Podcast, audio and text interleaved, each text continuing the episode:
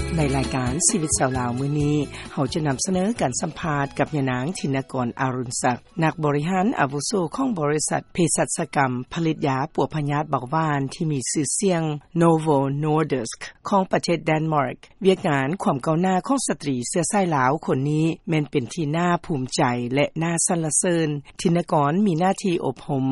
ติดตามกฎระเบียบและกฎหมายการผลิตยาให้แก่บรรดาพนักงานที่มีโรงงานผลิตยาอยู่ใน 7 ประเทศ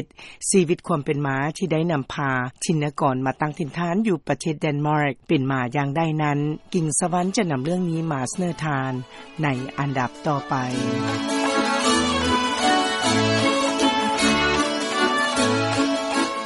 สบายดีท่านผู้ฟังที่เคารพ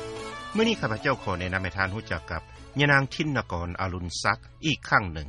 ซึ่งเป็นเวลาหลายปีที่ผ่านมา VOA ได้นำเอาชีวิตการปฏิบัติงานของท่านนางมาเล่าสู่ฟังปัดนี้ทินกรได้ก้าวขึ้นมาเป็นนักบริหารอาวุโส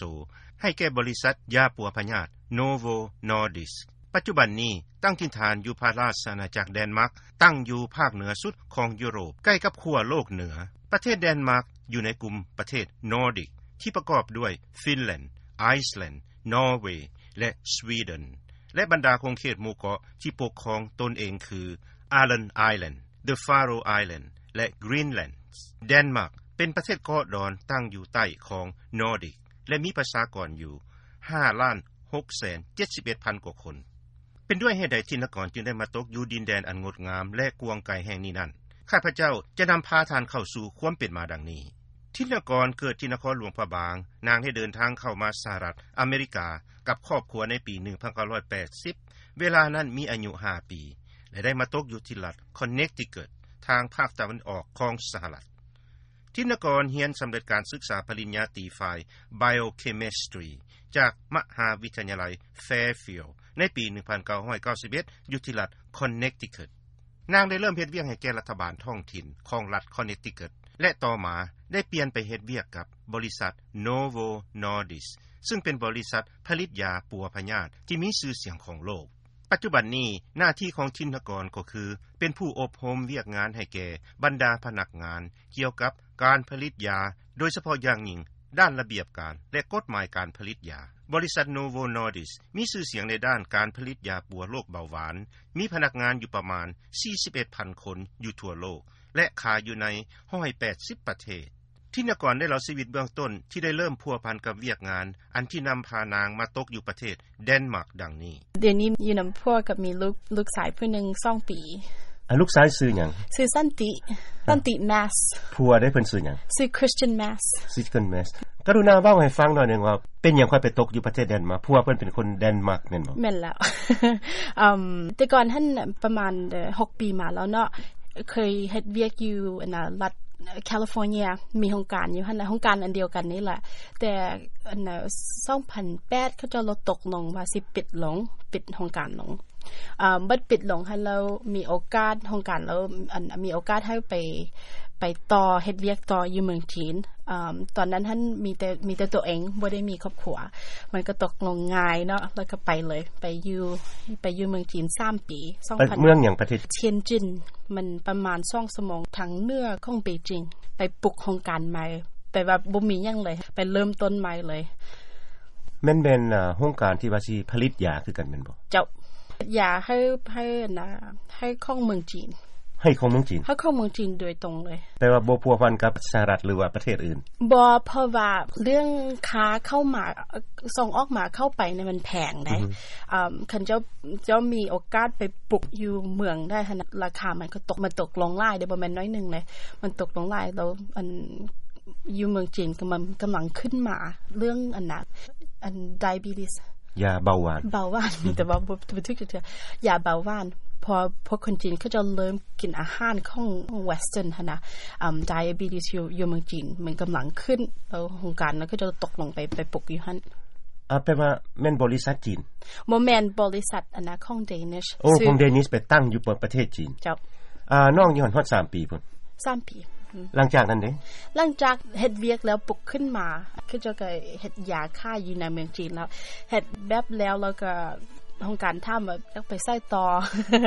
กลับมาอเมริกาอืมหรือว่าไปอยากอยากไปใส่อืมตอนอยู่เมืองจีนท่านปีที่สองไปพบแฟนอยู่ท่านเป็นเดี๋ยวนี้เป็นพวกพวกเมียกันแล้วเนาะเป็นแต่งงานกันแล้ว แต่ไปพบกันอยู่ท่านเดลามาแต่เดนมาร์กบ่ได้เคยคู่กันแต่ว่าพบกันอยู่ท่านอันน่ะปีที่สามบัดแล้วแล้วอันน่ะตกลงว่าไปเดนมาร์ก ย้ายไปอยู่เดนมาร์ก ย้ายไปอยู่ในมา2012ย้ายไปอยู่เดนมาร์ก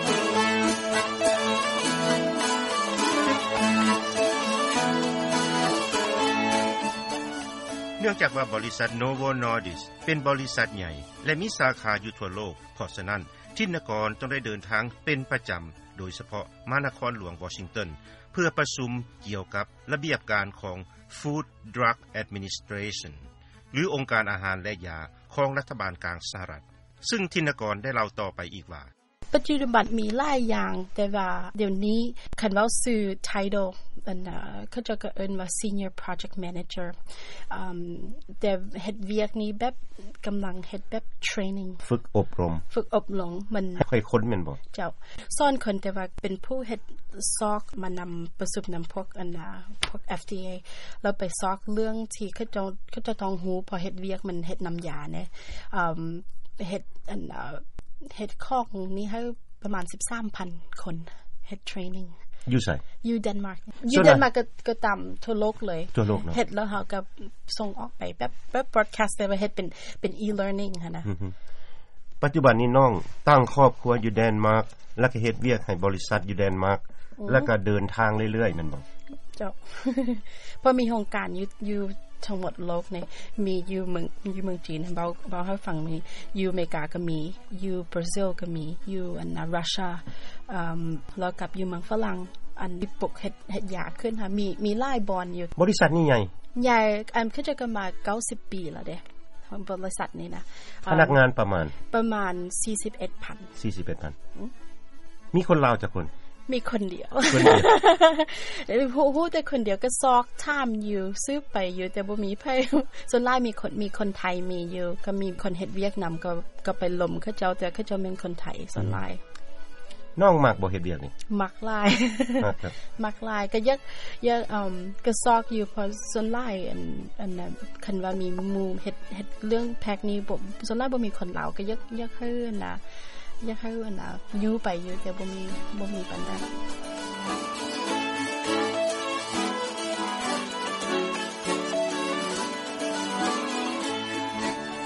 เกี่ยวกับด้านชีวิตการเป็นอยู่ที่โคเปนเฮเกนนครหลวงของประเทศเดนมาร์กทินกรได้เล่าสู่ฟังดังนี้ ยืมเมืองอันโคเปนเฮเกน Copenhagen แม่นแม่น capital แม่น เมือง บ่ แคปิตอลอืม เป็นจังได๋ชีวิตการอยู่หั่นได้อยู่เฮือนเป็นหลังหรือว่าอยู่ อยู่เฮือนเป็นหลังซื้อเฮือนน่ะได้ซ่องสามปีมาแล้วไปซื้อ เฮือนใหญ่บ่จักห้องนอน อืมสามห้องนอน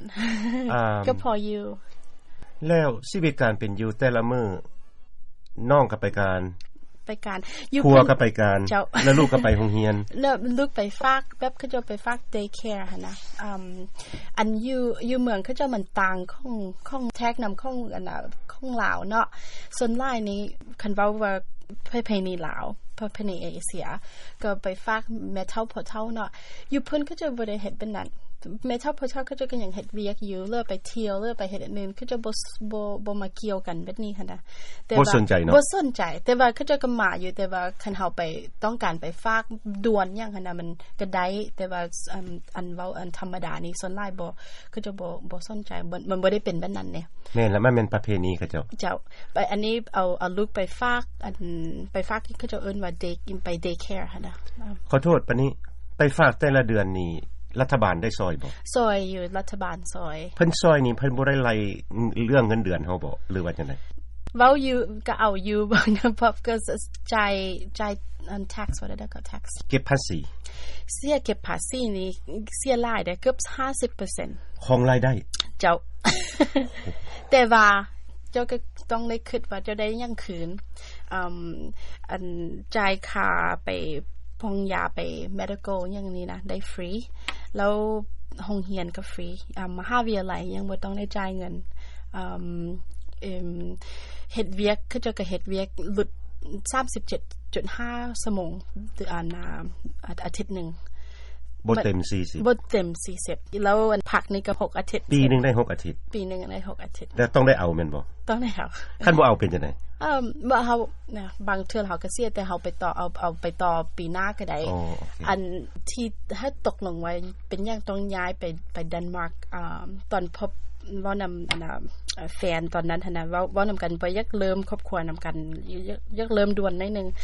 อ่าอยู่เดนมาร์กนี่เขาจะให้คันเฮามีลูกให้ออกเป็นปีหนึงแล้วก็กระจาย 110%เลย เพราะว่าอยู่เดนมาร์กเขาจะมีอันอ่ะ policy มันดี ที่ให้ให้พ่อแม่คันจะมีลูกให้ออกอัน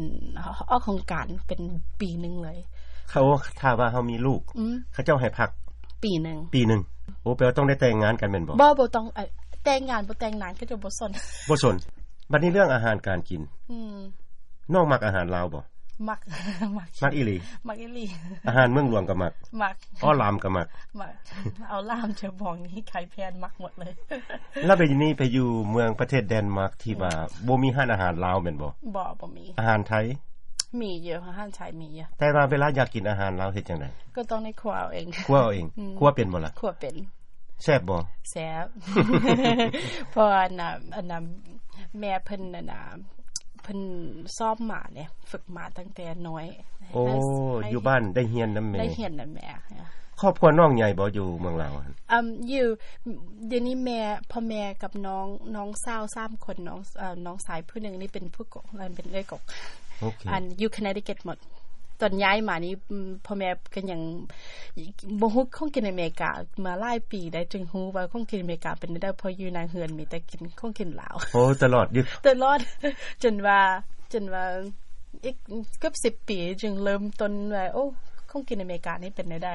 อ่าแต่อยู่บ้านมีแต่ของกินลาว เวลาไปโรงเรียนได้ได้กินของกินไหม คง จ๊ะ กินอยู่แต่ว่ามันก็ บ่มัก อืมบ่มักเนาะเขาก็กินไปหั่นแหละ พอมันยามกินข้าว ตอนซวยเนาะแต่ไปบ้านแบบคือว่าตอนเฮาขัวเอาเองหั่นนะขัวคงกินอเมริกาบ่บ่ฮู้ได้ขัวบ่ได้หั่นนะก็ต้นได้เริ่มต้นมาเอง บัดนี้เวลาอยู่นำครอบครัว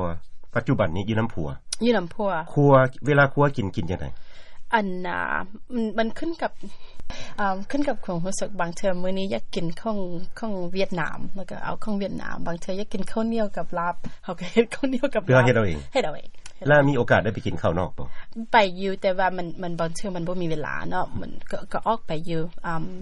ห้านอาหารเขาเจ้านี่เขากินเขาเจ้าแพงเลยคันออกไปกินแท้ๆนี่นะ แพงเนาะ แพงอะก็บ่อยากออกไปปานใด ได้เดินทางไปเยี่ยมยามหรือว่าไปธุรกิจนี่จักประเทศละ โอ้ไปโอ้ห้าห้าไลมานี่เนาะอืมไปไล่ได้อืมตอนอยู่เมืองจีนตอนอืมตอนพบเอ่อแฟนพวกนี้ไปไปบอนไมนี่นะไปเกือบ15 15เมืองนำกัน ประเทศ ประเทศ ประเทศ เดี๋ยวนี้ฮอดไปฮอด15 ประเทศละ เอาเดี๋ยวนี้ไล่กว่านั้นเดี๋ยวนี้ประมาณ 40 40 ประเทศ 40 ส่วนหลายแม่นเอเชียหรือว่าแถวใด ทั้งหมดเลย ทั้งหมด ทั้งหมด นอกจาก South America กับ Africa บ่ได้ไปปะนะบ่ได้ไปเลย กิ่งสวรรค์ประธรรมวงศ์ VOA ที่ทานฟังจบลงไปนั้นเป็นการสัมภาษณ์ของยานางธินกรอรุณศักดิ์นักบริหารอาวุโสของบริษัทผลิตยาของประเทศเดนมาร์ก ซึ่งรายการชีวิตสาวลาวของ VOA ก็จะสั้นหาแต่เรื่องที่มีทางสาระและให้ความบันเทิง เกี่ยวกับสาวลาวในทั่วโลก มาเสนอทานในทุกๆวันพหัส และว่าสัปปดาห์หน้าจะเป็นเรื่องอย่างนั้น กรุณาคอยติดตามหาฟัง